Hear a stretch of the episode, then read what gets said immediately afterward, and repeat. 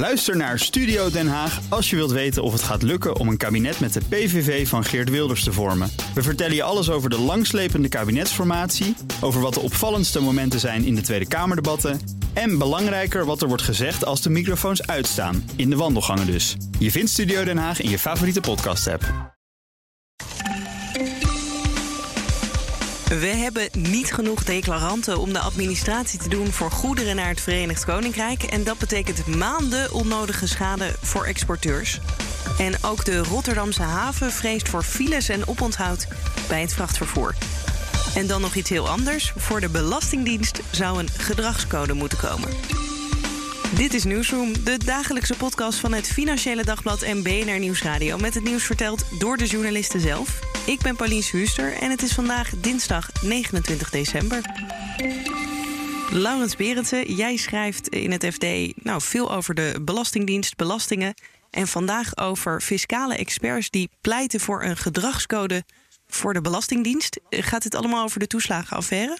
Nou, de toeslagenaffaire is wel uh, de aanleiding die deze experts gebruiken om te zeggen van er zou eigenlijk een gedragscode moeten komen van hoe de Belastingdienst moet omgaan met uh, burgers en bedrijven, waarvan, uh, waarvan de dienst belastingen int.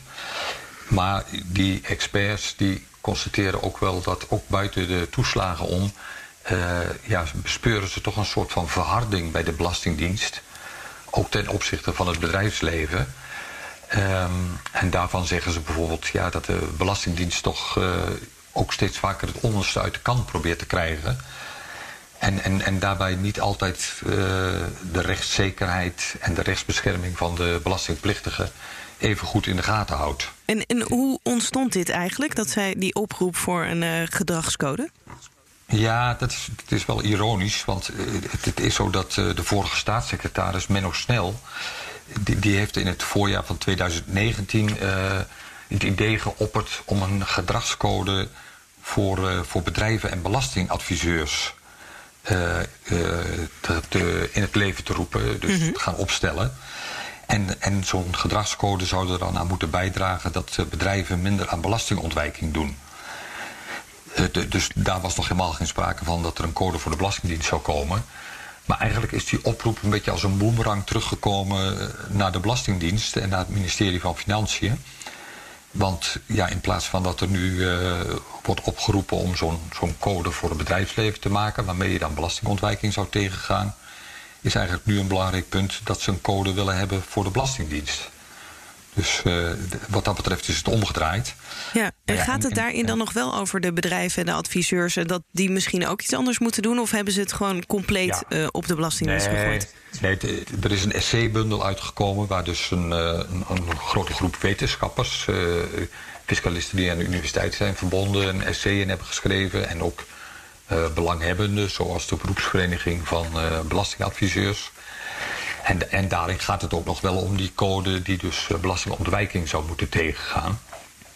Uh, maar het lijkt een beetje op dat de urgentie om, om eerst uh, gedragsregels op te stellen voor de Belastingdienst, dat die urgentie eigenlijk uh, als sterker wordt ervaren dan, dan zo'n code voor zeg maar de eigen beroepsgroep of de eigen achterban. Ja, dat is op zich gebeurt dat natuurlijk vaker dat we eerder het probleem bij de ander zien dan bij onszelf. Ja, of hebben ja, ze ook nee. wel gelijk, denk je? Nou ja, kijk, ik denk wel dat het zo is. Uh, Nederland staat van oudsher wel bekend om een redelijk goede belastingmoraliteit. Uh, maar goed, dat is natuurlijk wel iets wat van twee kanten moet komen. En, en, en zo gauw je een belastingdienst krijgt die, uh, ja, die het misschien ook altijd niet even nauw neemt met, met, met, met, met, met alle omgangsvormen die je eigenlijk van een overheid zou mogen verwachten. En dan, en dan druk ik me voorzichtig uit, zeker voor wat betreft de toeslagenaffaire. Ja. Uh, ja, dan kun je natuurlijk ook ja, een reactie bij bedrijven en bij burgers verwachten. Dat die ook zoiets hebben van ja, kijk, als de overheid mij niet netjes behandelt, uh, ja, waarom zou ik dan heel netjes zijn? Ja. Dus dat is natuurlijk een wisselwerking. Van ja. de andere kant is het zo dat, uh, zeker in het bedrijfsleven, uh, Nederland in het verleden natuurlijk nou ja, de, een, een, ook een soort van uh, doorsluizenrol had in allerlei belastingconstructies om zo min mogelijk belasting te hoeven betalen. Om dus op een legale manier belasting te ontwijken. Um, En daar wil Nederland nu van afzien te komen. En, en, en, en dat is een proces waarbij ook bedrijven zich zullen moeten aanpassen. En zich zullen moeten realiseren van, uh, ja, dat dat nu verleden tijd is. Ja, maar dan heeft de Belastingdienst er misschien ook een beetje naar gemaakt dat het nu meer de aandacht ligt op uh, hoe doen zij het zelf en zijn ze nog een betrouwbare overheid dan inderdaad bijvoorbeeld die uh, belastingontwijking of ontduiking. Ja, die, nou ja, met name ontwijking. Ja, ja. nee, dat is zeker zo. Dat, uh, de, de, de, de, de Belastingdienst ja, krijgt nu, ja, krijgt, krijgt, krijgt nu een soort van tegenaanval, zou je kunnen zeggen, te verduren. Om, om omdat ze toch zelf, ja, zeker bij die toeslagenaffaire natuurlijk, in de fout zijn gegaan.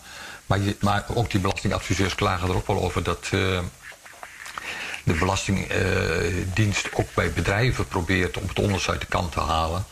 En dan uh, ja, al vrij snel uh, belastingaanslagen oplegt. En zegt van, nou ja, als u het er niet mee eens bent, dan kunt u altijd nog naar de rechter stappen.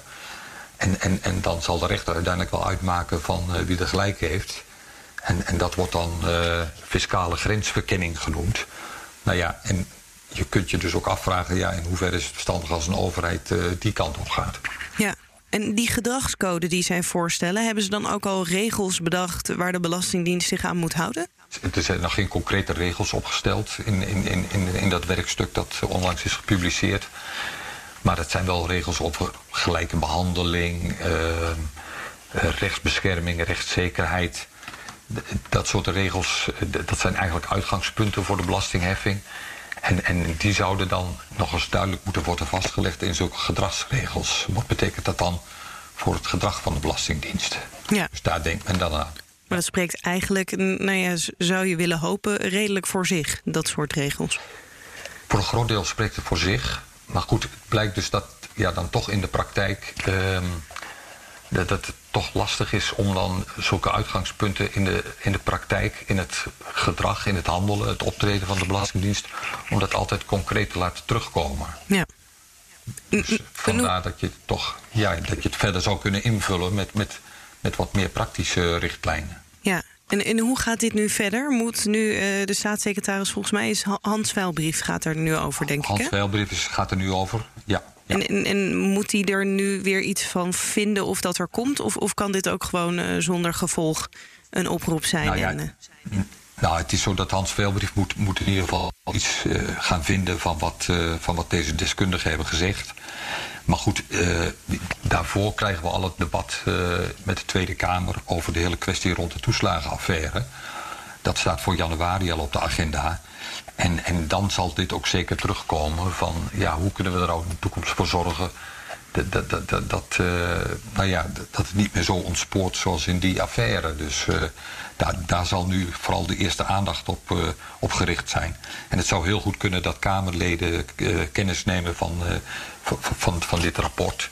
En dat dan ook aangrijpen om te pleiten voor zo'n voor zo'n code voor de Belastingdienst. Wat ook niet heel ongebruikelijk is, want sommige landen kennen al zo'n uh, zo'n code met gedragsregels voor de fiscus. Dankjewel, Laurens. Graag gedaan. Daar ben ik al, uh, nou ja, al twee jaar eigenlijk over aan het uh, schrijven. over de haven, tenminste het gedeelte over de haven dan.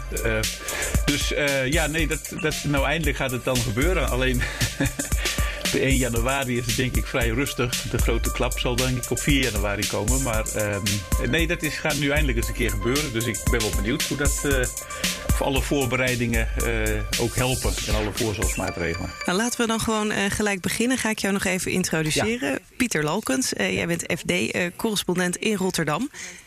En uh, nou, jij zei het net al even, er komt een hele grote brexit-test aan voor de haven. Want vanaf deze vrijdag gelden de douaneformaliteiten voor vrachtvervoer naar Engeland. Uh, jij hebt ze gesproken bij de haven. Maakt men zich daar druk op? Nou, over die formaliteiten, um, ja, op zich uh, valt dat wel mee. Alleen het punt is even een beetje, hebben bedrijven die exporteren en importeren trouwens ook, hebben die zich goed voorbereid? Hè? Want uh, uiteindelijk moeten die allemaal aangifte doen bij de douane. Uh, en het is maar de vraag of die dat allemaal op de juiste manier doen. Ze moeten zich in ieder geval aanmelden bij het havencommunicatiesysteem. Dat heet dan Portbase. Dat moeten ze digitaal doen. En via dat systeem moet je ook alle aangiftes, inklaringen doen en daar pikt de douane dan de meldingen uit. Alleen het is de vraag, ehm, ja, hebben die bedrijven dat allemaal goed gedaan? en dat moet dan vanaf vrijdag blijken. En dat is wel belangrijk dat die bedrijven dat heel goed doen. Want anders heb je nog eens kans op uh, flinke files in de haven. Ja, en als ik jou zo hoor, dan is het uh, havenbedrijf en de douane... die zijn er niet helemaal gerust op dat die bedrijven dat dus allemaal hebben gedaan dan. Nee, dat is een, een grote onbekende eigenlijk. Voor een deel weten ze het wel. Uh, je kunt wel zien dat er meldingen bij Portbase zijn gedaan door bedrijven. Dat ze zich aangemeld hebben bij het systeem. Maar ja, ze missen nog altijd een bepaald percentage. En plus het feit uh, dat ja, je kunt je aanmelden bij het systeem. Maar daarna moet je natuurlijk ook wel goed met dat systeem om kunnen gaan. Je moet alle velden goed invullen. Uh, nou ja, je kunt er van alles bij bedenken in digitale systemen dat er iets fout kan gaan. Dus dat is wel een onbekende. En als dat niet lukt, dan kunnen die chauffeurs die met lading bij een van die grote terminals in Rotterdam komen, ja, die kunnen die terminal niet op. En die moeten dus weer terug naar speciale parkeerterreinen. Maar als dat maar allemaal maar goed loopt. En dat is de grote vraag. En daar maakt men zich ja, toch altijd nog wel een beetje zorgen over. Ja, en gaat het dan uh, vooral om de bedrijven die naar het Verenigd Koninkrijk exporteren? Of gaat het om import uh, richting ons? Of, of is het allebei waar ze zich druk om maken? Nou, het is hoofdzakelijk export. Uh, Engeland, of het Verenigd Koninkrijk, zo moet ik het noemen, is vooral een importerend land en wat minder een exporterend land. Dus de grootste zorgen liggen bij de exporterende bedrijven. Maar ongetwijfeld zal er bij de importerende bedrijven ook nog wel iets fout gaan. Um, en je moet het ook nog een keer in, uh, uh, in Engeland melden. Dus er is ook nog de vraag of het daar allemaal goed gaat. Maar het, het, gaat dus voornamelijk om exporterende bedrijven. Dat is wel het grootste deel. Ja, en, en als het misgaat, waar gaat het dan mis? Waar gaat het dan mis? Nou, dan, kijk, die chauffeurs, de meeste gaan uh, met uh, de ferries, met de veerboten. die kun je in Hoek van Holland nemen. Die kun je in Vlaardingen nemen. -hmm. bij DFDS. Die kun je ook in Europoort nemen, in de Rotterdamse haven zelf. bij P&O. Veel gaan via Stena Line in Hoek van Holland. Als je daar aankomt en je hebt je papieren niet in orde, je formaliteiten, dat kunnen ze aan het kenteken zien. Ja, dan moet je weer terug. Alleen er is op die terminal zelf is geen enkele ruimte. Uh, want die terminals zijn zo gebouwd dat het allemaal heel snel gaat. Je komt, uh, sommige komen nog een kwartier voordat een schip vertrekt, komen ze daar nog aan. En, uh, sommige gaan met een hele vrachtauto naar de overkant. Sommige geven alleen een trailer af. Die gaat alleen de trailer op de, op de boot. En die wordt in Engeland dan weer eraf gehaald. Maar als je dat dus niet goed doet en je blijft bij die terminal steken, dan moet je weer terug. En daarvoor zijn dan speciale parkeerterreinen ingericht. Maar stel dat er heel veel zijn ja, dan kan het bij die. Uh, bijvoorbeeld in de Hoek van Holland is het allemaal vrij, uh, vrij nauw, vrij, vrij klein. Ja, dan moet het allemaal terugrijden nog weer naar een groot parkeerterrein. Oranjeheuvel heet dat. En daar krijgen dan die chauffeurs 24 uur de tijd, maximaal, om toch alles nog in orde te maken. En vaak zijn dat de chauffeur zelf niet, maar dan hun baas of hun bevrachter, zeg maar. Ja. Dus daar zit, daar zit het grote probleem. Ja, ja, ik zag volgens mij ook in jouw stuk uh, dat er uh, een speciale bufferparkeerplaats was uh, in het havengebied, waar plek was voor 700 vrachtwagens. Maar dat er simulaties waren gedaan en dat er bleek dat er maar met maximaal 400 vrachtwagens iets mis kan gaan. Dat vond ik dan zo opvallend dat, uh, dat is best wel een kleine marge nog. Ja, dat is, uh, ze hebben soort, vorig jaar al een soort simulaties gehouden. En daaruit kwam dat aantal van 400. En dat is natuurlijk ook een, een aanname, want het waren simulaties. Toen dachten ze van, nou ja, laten we in ieder geval iets ruimer nemen, uh, de bufferparkeerplaatsen. Je hebt er een, ik weet in ieder geval dat er drie grotere zijn. Daar is plek voor zo'n 700. Ja, het, men denkt dat dat dan een voldoende marge is. Uh, 400 is je verwachting dat er iets mis is. Uh, nou ja, laten we er nog 300 bij doen, dan moet dat lukken. Dus de praktijk zal het echt moeten uitwijzen vanaf vrijdag of dat voldoende is. En, um, ja, uh, men denkt op basis van wat men allemaal gedaan heeft, alle voorzorgsmaatregelen en voorbereidingen, dat dat voldoende zou moeten zijn. Er zijn verkeerscirculatieplannen gemaakt. Uh, door Rijkswaterstaat om eventueel vrachthouders nog om te leiden en eerder op een andere plek te zetten. Dus uh, het moet echt blijken in de praktijk of dat allemaal werkt. Ja, en is het dan 1 januari gelijk uh, ook de grote test? De grote test? Nou, 1 januari valt het nog wel mee, denk ik. Dat is nieuwjaarsdag. Dat is hier een feestdag. Eh, dat is in, uh, in het Verenigd Koninkrijk, volgens mij is dat een, een bank holiday. Dus dat is ook een, uh, ook een feestdag. dus ik denk dat dat op 1 januari nog wel meevalt. Er is vanuit Rotterdam maar één afvaart. Dat is bij Stena Line in Hoek van Holland. Mm -hmm. De andere terminals hebben geen afvaarten. Dus de 1 januari valt het mee. De grote test komt denk ik vanaf 4 januari. Normale werkdag, maandag 4 januari. Dan zullen ook weer verse spullen fruit, planten, groenten uh, uh, weer richting de overkant moeten. En dat, is, uh, nou, dat zal wel de grotere test worden, denk ik, op die, op die maandag. Ja, wat ga jij op die maandag doen? Ga je dan ergens op een stoeltje zitten kijken naar hoe het gaat met de vrachtwagens? Hoe het gaat met de vrachtwagens? Ja, nee, ik ga, ik ga er wel naartoe. Misschien is wel een tip dat ik inderdaad een stoeltje meeneem, dat ik ergens kan, kan gaan zitten. Want ja, ook vanwege COVID-19 maatregelen kun je eigenlijk nergens terecht. Ik had gedacht dat ik nog wel bij de verkeerscentrale van Rijkswaterstaat in Roon eh, terecht zou kunnen, maar dat kan ook niet. Eh, want vanuit daaruit wordt dat eh, wegverkeer in de gaten gehouden. Nou ja, ook, op die terminals, die zijn eigenlijk ook allemaal gesloten voor de pers. Dus ik denk dat ik door de haven moet gaan, moet gaan rijden. Dat ik inderdaad maar een stoeltje meeneem. En ga kijken van staan de files, uh, bellen met, uh, met instanties. Hoe, hoe staat het ervoor? dus ik, maar ik ga er zeker naartoe. En missie doe ik dat op 1 januari voor de zekerheid ook nog wel even. Ja, spannend. Nou, succes alvast. Ja, dankjewel. Diederik de Groot, ja, luisteraars van in ieder geval de podcast gisteren en ook eerder, die kennen jou al. Jij uh, bent journalist bij BNR. Ja, toch? Inmiddels een ja, bekende ik hoop van dat de podcast. Ze hier nog niet, ik hoop dat ze hier nog niet zat zijn. ja, je hebt Anders moeten ze mailen, hè? dan kunnen ze Mailen naar nieuwsroom.bnr.nl ja. of nieuwsroom.fd.nl. Maar vandaag heb je, denk ik, voor de mensen een interessant verhaal. Nederland heeft tekort aan declaranten. En misschien moeten we even beginnen met wat declaranten precies zijn. Ja, nou ja, dat zijn de mensen die de administratie doen voor uh, nou, ondernemers die uh, goederen naar het buitenland uh, vervoeren, um, exporteren. En nou, ja, dat, dat, gaat er natuurlijk nu over in het kader van de brexit. Ja. Daar komen allemaal formaliteiten bij waren natuurlijk al wel wat formaliteiten. En uh, uh, nu de brexit straks uh, in het nieuwe jaar echt een feit is... met het handelsakkoord ook erbij, wat nu is gesloten... nou ja, komen er natuurlijk meer formaliteiten bij. Dus is extra nodig dat je mensen hebt die allemaal weten hoe dat werkt, die het allemaal goed doen, zodat jouw goederen die je wil exporteren naar het Verenigd Koninkrijk, dat die op tijd aankomen. En dat uh, ook dat er daar natuurlijk niet wordt gezegd van u heeft uw formaliteiten niet op orde, dus wacht maar even. Of hier heb je je pakketje terug. Ja, en het is nu 29 december en 1 januari is het dan echt zover. Als we nu nog een flink tekort hebben, dan, dan gaat het dus sowieso een probleem worden. Je, je, zou denken dat ze, dat ze wel wat haast hebben dan, hè? Ja, uh, ja nee, uh, dat, dat gaat het ook. Tenminste, uh, zegt even Venedex, want daar hebben we ook de navraag gedaan. Um, en daaruit komt naar voren dat er dus nog steeds een tekort is. En ja, dat gaat nog door in de, het nieuwe jaar. In de eerste maanden is de verwachting, gaat het ook tot problemen leiden. Dus zullen er goederen van ondernemers op de plank blijven liggen hier in Nederland. Zullen vertraging oplopen. Dat gaat dus ook financiële schade opleveren. En ze hopen dat er dan na een maand of drie, vier um, wat verbetering komt. Dat de situatie wat genormaliseerd is. Dat iedereen wat beter weet wat hij moet doen. Ook bij de douane bij. Uh, bij iedereen dat er nog wat meer declaranten ook bij zijn gekomen. En dat het dan allemaal weer wat soepeler gaat lopen. Maar het is natuurlijk niet ideaal. Want we hadden natuurlijk allemaal gehoopt dat uh, dit soort zaken geregeld zouden zijn als de brexit een feit werd. En het is namelijk ook niet iets van gisteren nee, we of weten van al vandaag. Even dat, dat uh, ja, nee, niet alleen dat de brexit eraan komt, maar ook dat er een tekort aan declaranten is. Want ja. alleen al als je kijkt naar wat wij op BNR hierover hebben gebracht, dan hebben we al zeker twee keer het verhaal uh, verteld dat er tekort aan declaranten is. In 2018 was het al bekend. Toen heeft Evo Venedex ook in samenwerking met het UWV een plan opgezet om die vacatures allemaal te vervullen.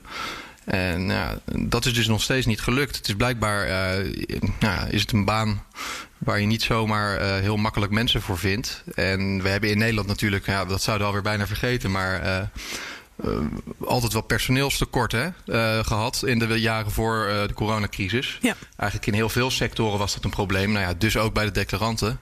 En dat is dus nog steeds niet opgelost. En, en bij wie ligt dan, uh, nou ja, schuld is misschien een groot woord, maar die Evo Venedex die vertegenwoordigt logistieke ondernemers. Hadden zij dan zelf toch er nog harder aan moeten trekken om die declaranten te krijgen? Of? Ja, ik, ik vind het moeilijk om te zeggen. Maar als ik het als leek moet beoordelen, dan hebben ze er in ieder geval wel alles aan gedaan. Want nou ja, ze hebben dus ook al een speciaal programma ervoor opgezet samen met UWV. Ze hebben er aandacht voor gevraagd uh, in de media, bij ons. Ja. Dus, hebben ze het verteld. En hebben ze ook aangegeven dat het heel belangrijk is dat die declaranten er wel komen. Uh, dus in zekere zin ook reclame gemaakt voor het vak. Uh, mensen worden ook opgeleid. Er zijn ook wel extra declaranten bijgekomen. Het is ook niet zo dat er natuurlijk niks is gebeurd. Dus het tekort was groter. Um, dat is wel wat verkleind. Alleen ja, het is nog niet wat ze hadden gehoopt. Want uh, je hoopt dat elke plek ingevuld wordt. Dat er geen enkel product uh, hier onnodig lang blijft liggen. En dat je het gewoon allemaal uh, heel soepel naar het VK kan exporteren. Dat hebben ze nog niet bereikt. En uh, ja, de, ja, de vraag is altijd of daar dan een schuldige voor aan te wijzen is. Personeelstekorten hier in Nederland, nou, ik zei het net al, dat is, dat is niet een probleem van vandaag of gisteren. En dat, ik weet niet of je dat een, een sector aan kan rekenen of, of wie dan ook aan kan rekenen dat dat bestaat. Het is natuurlijk een moeilijk oplosbaar probleem. Ja. En die, uh, straks over een paar maanden zei jij, dan denken ze dat het in ieder geval een beetje beter doorloopt. Zijn er dan ook meer declaranten of is dat puur omdat de douane dat het allemaal wat soepeler gaat, dat iedereen gewend is? Nou ja, dat laatste sowieso. Dus uh, het is natuurlijk voor iedereen wennen. En er wordt ook gezegd, ja, tot nu toe hebben de mensen die hiermee te maken krijgen, dus inderdaad ook douane, hebben alleen maar kunnen oefenen um, ja, in een situatie die er nu, nu, nu straks niet meer is. Want zometeen is het gewoon in één keer het echte werk. En uh, ja, dan moet je natuurlijk altijd maar afwachten hoe dat gaat als zoiets uh, daadwerkelijk een feit is. En uh, dat handelsakkoord ligt natuurlijk ook pas sinds heel kort. Dus er zullen ook zaken in staan waarop, uh, waarop men zich weer aan moet passen. En ja, er zullen ook wel meer declaranten komen. Ja, ze blijven daar natuurlijk gewoon mee bezig zolang er een tekort is. Dus zal het ongetwijfeld ingelopen worden. Uh, maar ja, de vraag is natuurlijk hoe snel en alles wat je in de tussentijd hier onnodig vertraagt, dat is toch uh, schade voor ondernemers. En ook schade voor ondernemers die net als nou, een groot gedeelte van alle bedrijven hier in Nederland zullen ze al een moeilijke tijd achter de rug hebben. En dan krijg je ook nog eens die brexit eroverheen. En daaroverheen dan ook nog eens dan wat je dan nog exporteert naar het Verenigd Koninkrijk kan mogelijk ook nog eens vertraagd worden of kunnen andere um, ja, logistieke issues optreden. Het is allemaal geen ideale situatie. Nee, ik moet zeggen dat ik ook niet heel optimistisch word over die Brexit nu ik deze podcast vandaag maak. Want ik sprak ook al Pieter Lalkens uh, van het FD. Die, heeft, die uh, zit in Rotterdam en die schreef over de Rotterdamse haven. Daar vrezen ze ook problemen en files en oponthoud met het vrachtvervoer. Dat je denkt, ja, het, het, het, het gaat niet gelijk soepel. Nee, nee, nee. Ja, nou ja, eigenlijk denk ik aan de andere kant ook wel weer dat er vrij weinig mensen zullen zijn die hadden gedacht dat het wel soepel ging. Het is altijd natuurlijk ook ja. wel gezegd van ja, Brexit kunnen we zo goed mogelijk regelen, maar dan nog steeds is eigenlijk het glas half vol. Uh, een goede Brexit, uh, een goede situatie bestaat niet in vergelijking met wat we eerst hadden. Er is in Nederland en ik denk ook in veel andere Europese uh, EU-lidstaten zijn er weinig ondernemers te vinden die staan te, te juichen vanwege de Brexit. Want voor niemand wordt het nou echt heel veel makkelijker. En het is gewoon onvermijdelijk dat er aanpassingsproblemen komen. Dus wat, wat natuurlijk zo'n handelsakkoord dan tracht te doen, is dat je het zo, nou ja, uh, zo, zo, zo, zo min mogelijk slecht kan, uh, slechter kan laten worden. Uh, dus de schade beperken, dat is natuurlijk ook wel in zekere zin dan gebeurd met een handelsakkoord. Want als er geen akkoord was gesloten, was het allemaal een stuk erger geworden. Maar nou ja, nogmaals, een goede brexit bestaat gewoon niet voor de ondernemers. En ook niet voor uh, de, een logistieke ondernemersvereniging als Evo Venedex. Dat, dat zeggen ze ook steeds. Dus uh, nou ja, het is gewoon de schade beperken. En dan maar hopen dat het allemaal wel uh, enigszins meevalt.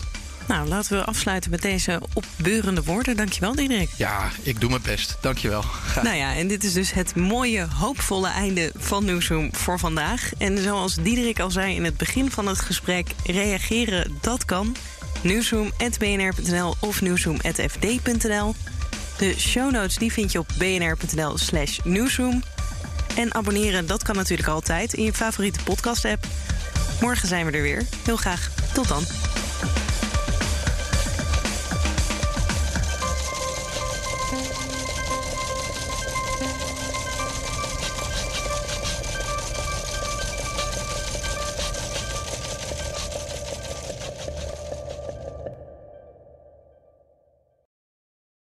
Ook Hugo Reitsma vind je in de BNR-app. Superhandig die BNR-app. Je kunt alle programma's live luisteren, breaking nieuwsmeldingen. Je blijft op de hoogte van het laatste zakelijke nieuws. En je vindt er alle BNR-podcasts, waaronder natuurlijk de belangrijkste, Boeken zijn in de wijk.